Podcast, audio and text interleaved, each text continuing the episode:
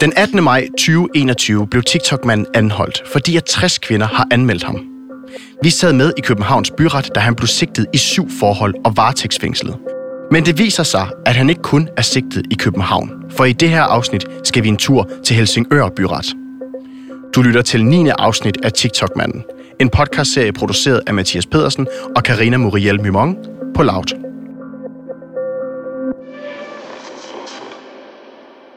I sidste afsnit kunne vi fortælle, at TikTok-manden er anholdt og sidder varetægtsfængslet i København, og vi kunne fortælle om de 60 kvinder, der i forbindelse med et tv-program, der lige nu kører på Discovery, der hedder De Perfekte Ofre, Fuck ikke med piger, står bag den samlede anmeldelse, der har ført til sagen i København. I det afsnit talte vi også med Tobias Grotkjær Elmstrøm, der er den advokat, der er tilknyttet sagen i forbindelse med tv-programmet, og har efterfølgende lavet en samlet anmeldelse til politiet på de 60 kvinder. Det tv-program er baseret på den Facebook-gruppe for TikTok-mandens ofre, der er jo blevet oprettet af Diana Rasmussen og Cecilie Foss Knudsen, som vi begge har talt med i tidligere afsnit. Og Cecilie er en af de unge kvinder, der fortalte om sit møde med ham i afsnit 4.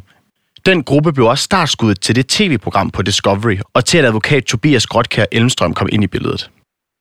Det, der er interessant, er, at vi jo har kendskab til, at der er flere piger og unge kvinder, der gennem årene har talt med politiet, hvoraf nogen blev til en reel politianmeldelse. Det har som udgangspunkt været til deres egen politikreds, de har henvendt sig.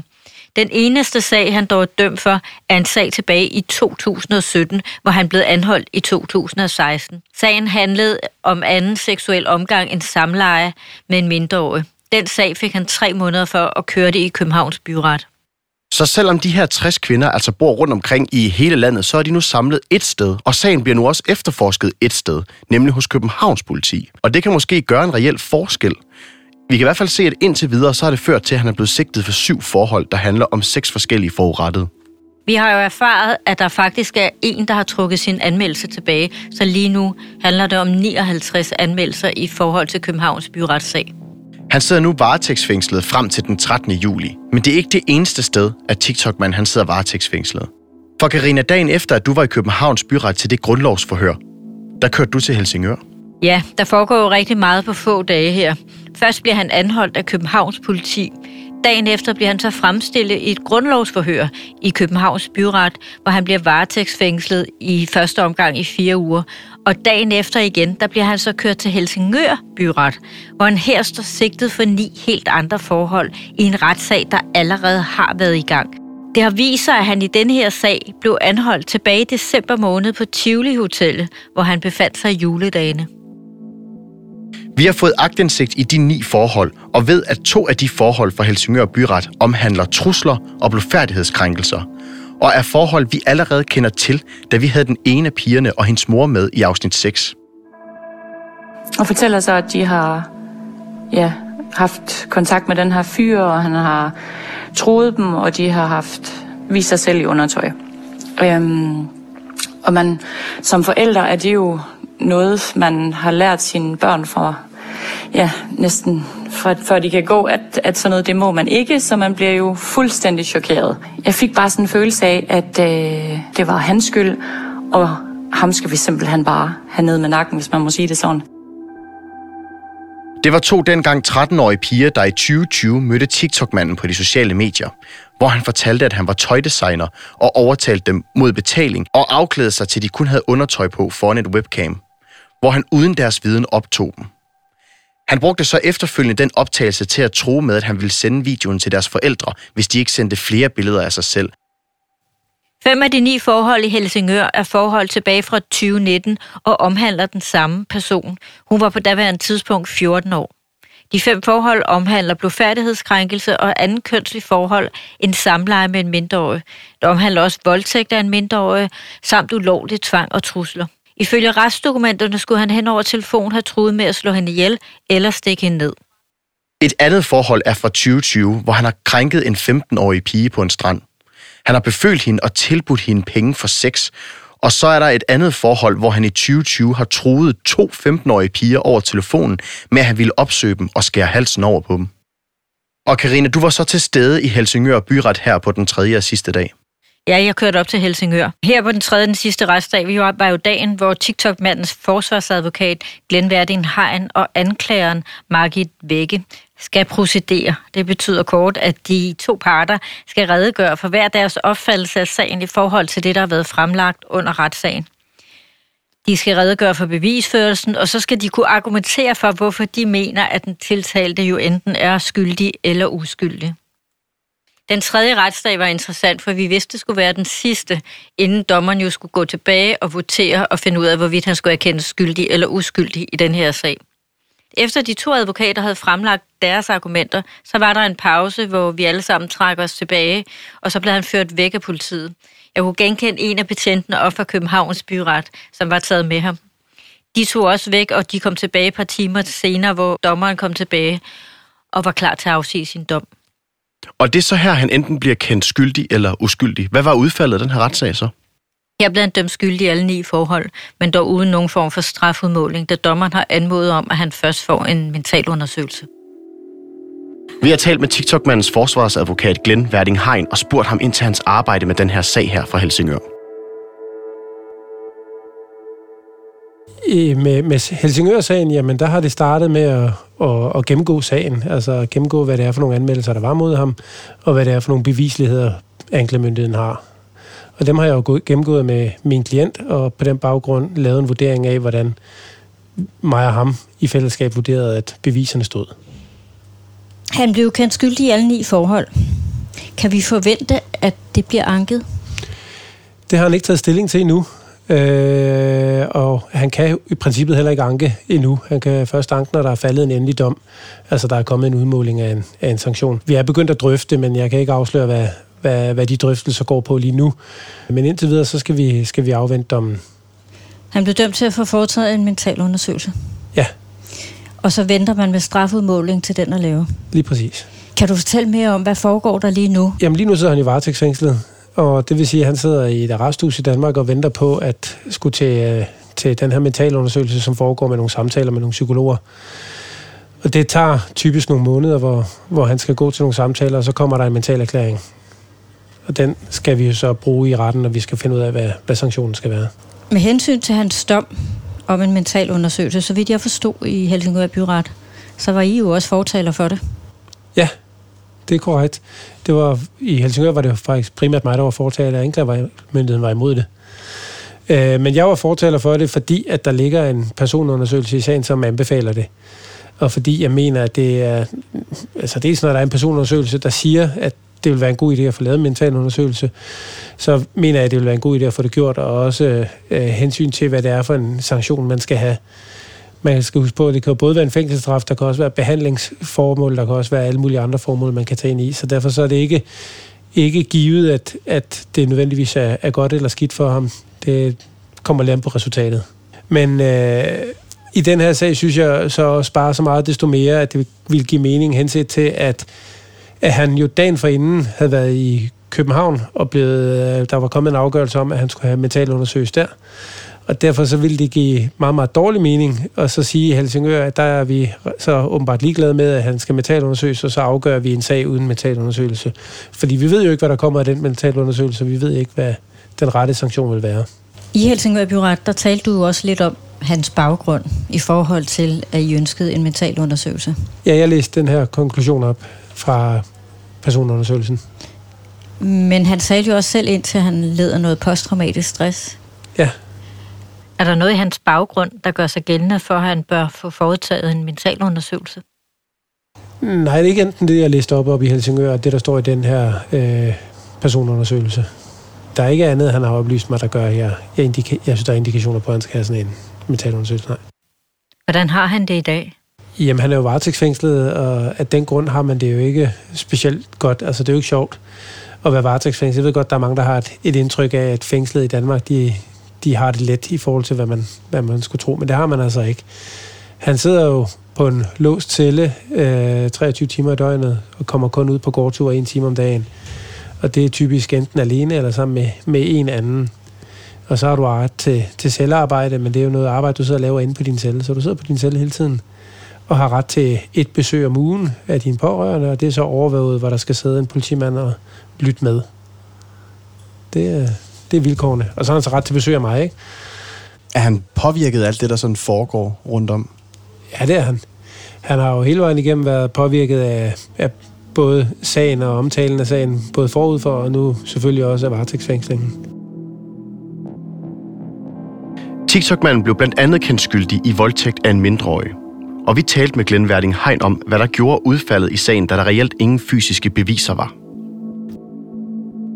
Der var ikke øh, noget øh, telehistorik, eller nogen øh, DNA-spor, eller nogle videoovervågninger, eller hvad der nu kunne være. Øh, den slags har der ikke været noget af.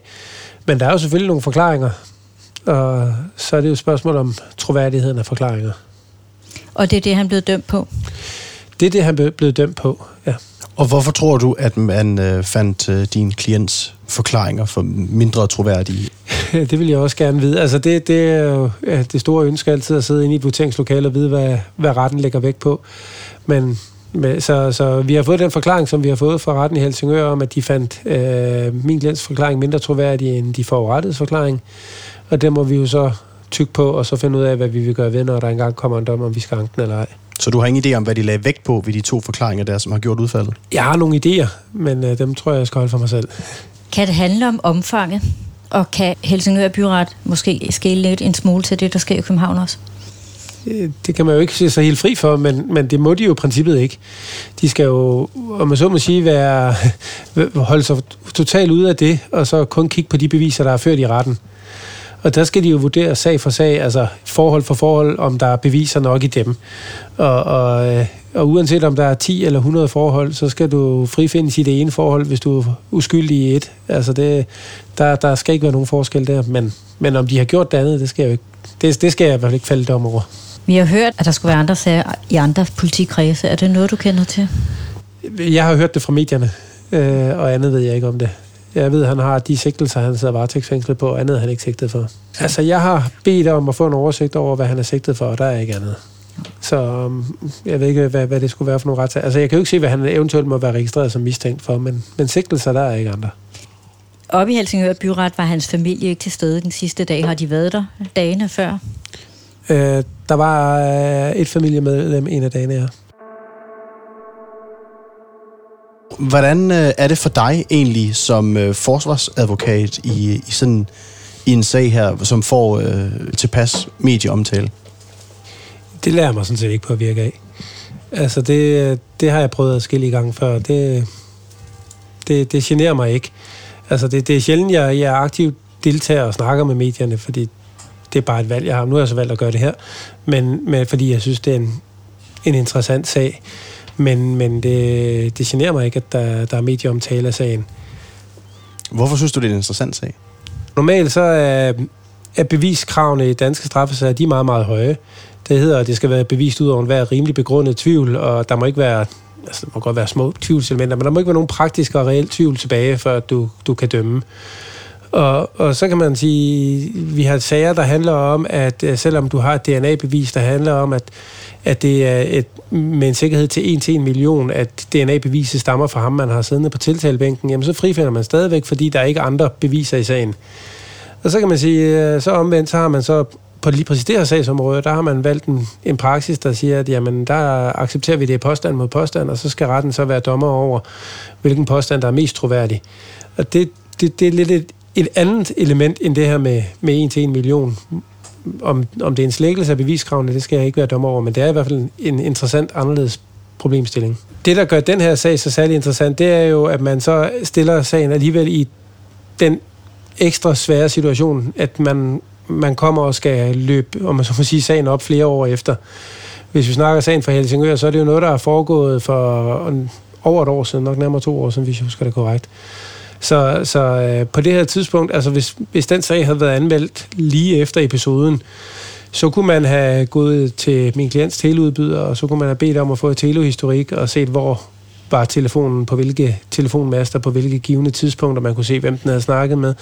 Man kunne have snakket med de personer, han har snakket Man kunne have lavet en hel masse undersøgelser. Man kunne også have indhentet videoovervågninger, som slettes efter 30 dage. Alle de her ting kunne man have løbet op, og så kunne man have undersøgt, når man har forklaringen fra de to parter, så kunne man have prøvet at undersøge, hvilken forklaring passer egentlig så med de tekniske beviser, der er i sagen. Men det kan man ikke i den her sag.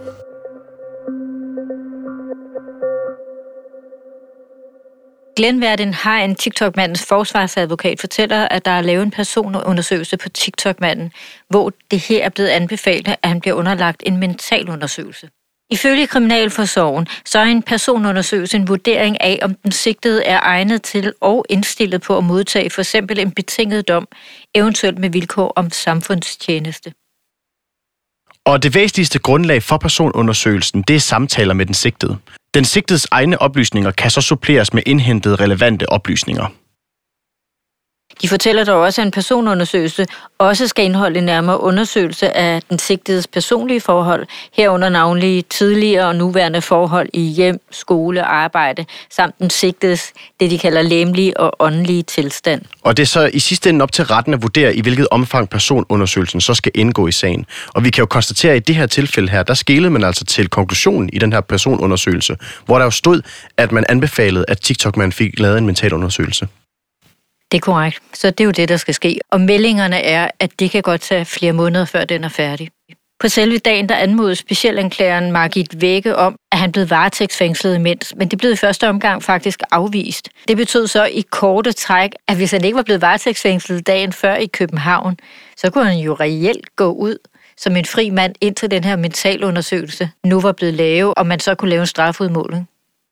Vi har efterfølgende talt med Margit Vække, som fortalte os, at Østre Landsret siden har besluttet, at TikTok-manden også bliver varetægtsfængslet i Helsingør-sagen. Så nu sidder han altså både varetægtsfængslet for sagen i Helsingør og i Københavns byret. De piger, som TikTok-manden nu er dømt for at have krænket og voldtaget i sagen i Helsingør, de må altså nu vente yderligere, før den her sag her, den er helt slut.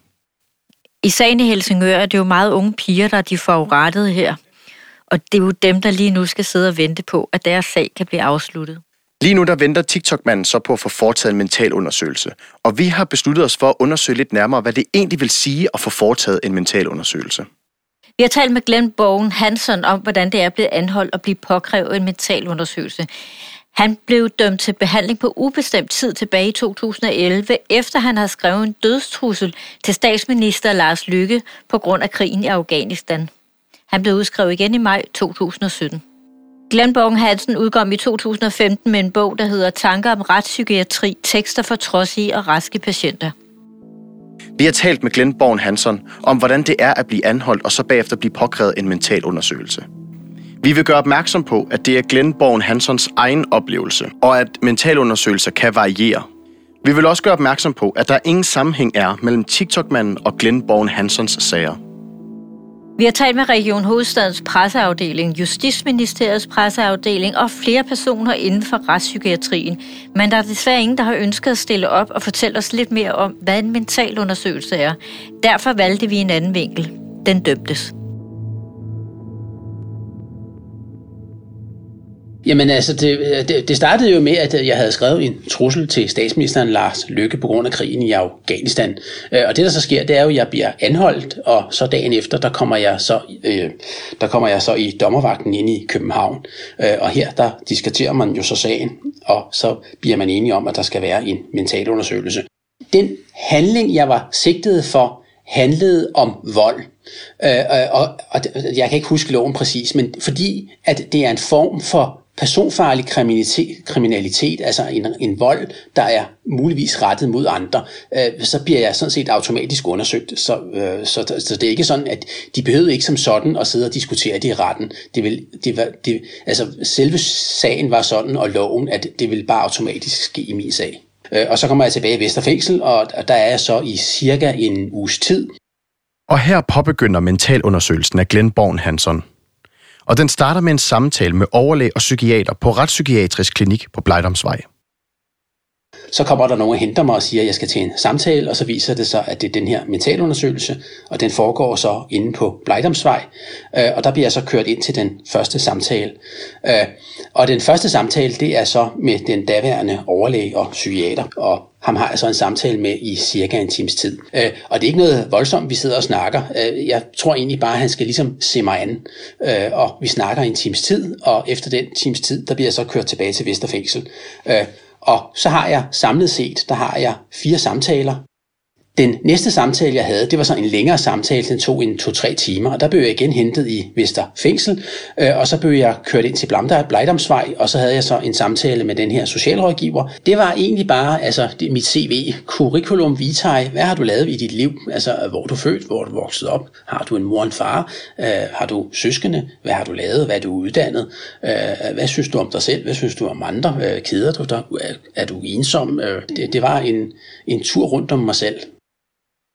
Og efter det, så havde jeg så efterfølgende to samtaler med en psykolog, og så skulle jeg udføre en masse opgaver. Altså jeg skulle, han skulle vide, hvor god min hukommelse var, og han ville gerne have en idé om, hvad min intelligens var, og jeg skulle svare på nogle forskellige spørgsmål og kigge på nogle forskellige brækker og opgaver. Og det, der var i de opgaver, jeg havde, det var blandt andet sådan noget med, hvor mange tal kunne jeg huske, eller øh, og hvor mange tal kunne jeg sige bagfra. Altså han læste tal op i en rækkefølge, og så skulle jeg sige dem baglæns, så det var en opgave.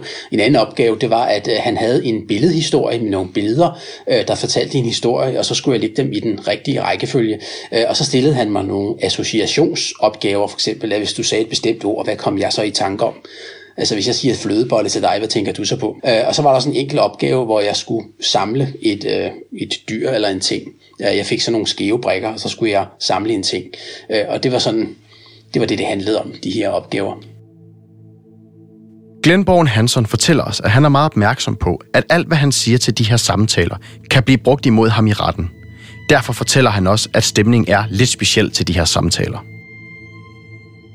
For mig var den pusseløjelig mærkelig. Og grunden til, at den er, var mærkelig for mig, det er, fordi normalt, når du har en samtale med en læge, så er det jo sådan, eller ligesom du har en samtale med din advokat, så er det, du siger til din læge eller din advokat, det er noget, der er fortroligt, og den person, du snakker med, har tavshedspligt. Men det første, de siger til dig til en mentalundersøgelse, det er, at de gør meget ud af at gøre dig opmærksom på, at når du er til en mentalundersøgelse, så har de ikke tavshedspligt over for retten for det, du siger. Og det vil sige, at hvis du i, vir- i virkeligheden kan du jo til en mentalundersøgelse sige noget, der inkriminerer dig selv, fordi at de har ikke tavshedspligt. Hvis du siger noget, og de mener, det er relevant for sagen, øh, så kan de bare skrive det ned i et stykke papir eller ringe til retten og fortælle det. Øh, og det gør jo sådan set, at man skal betragte sig selv, ligesom når politiet anholder dig. Ikke? Alt, hvad du siger, det vil blive brugt imod dig.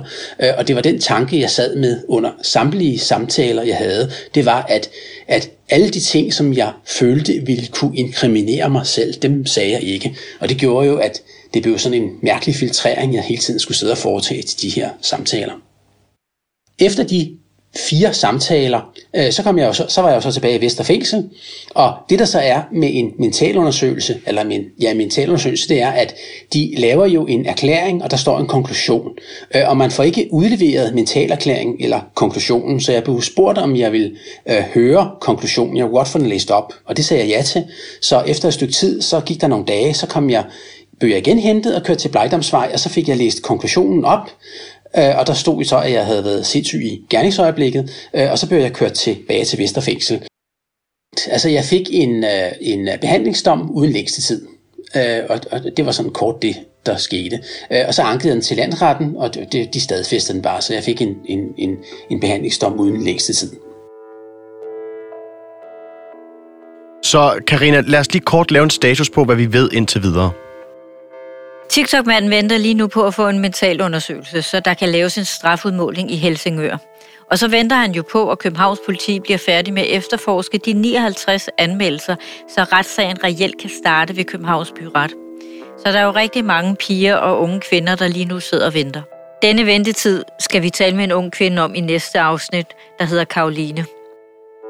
I 2019 der valgte Karoline nemlig at anmelde en mand for voldtægt, og det var en sag, der endte med at trække ud i rigtig lang tid. Vi har spurgt Karoline, om hun kan gøre de unge kvinder, der er involveret i sagen i København, klogere på, hvad de nu skal til at gå igennem.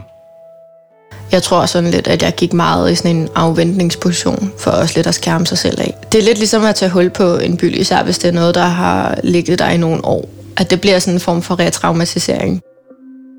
Du har lyttet til TikTok-manden, en podcastserie produceret og tilrettelagt af Karina Muriel Mimong og Mathias Pedersen på Loud. Lyddesign, musik og mix af Peter Christian Sejersbøl, og i redaktionen var Agnes Vest. Du kan skrive til os på tiktokmanden radioloud.dk. Har du været udsat for digitale krænkelser, så anbefaler vi, at du kontakter børnetelefonen på 11 61 11. Har du været udsat for fysiske krænkelser, så anbefaler vi, at du kontakter politiet.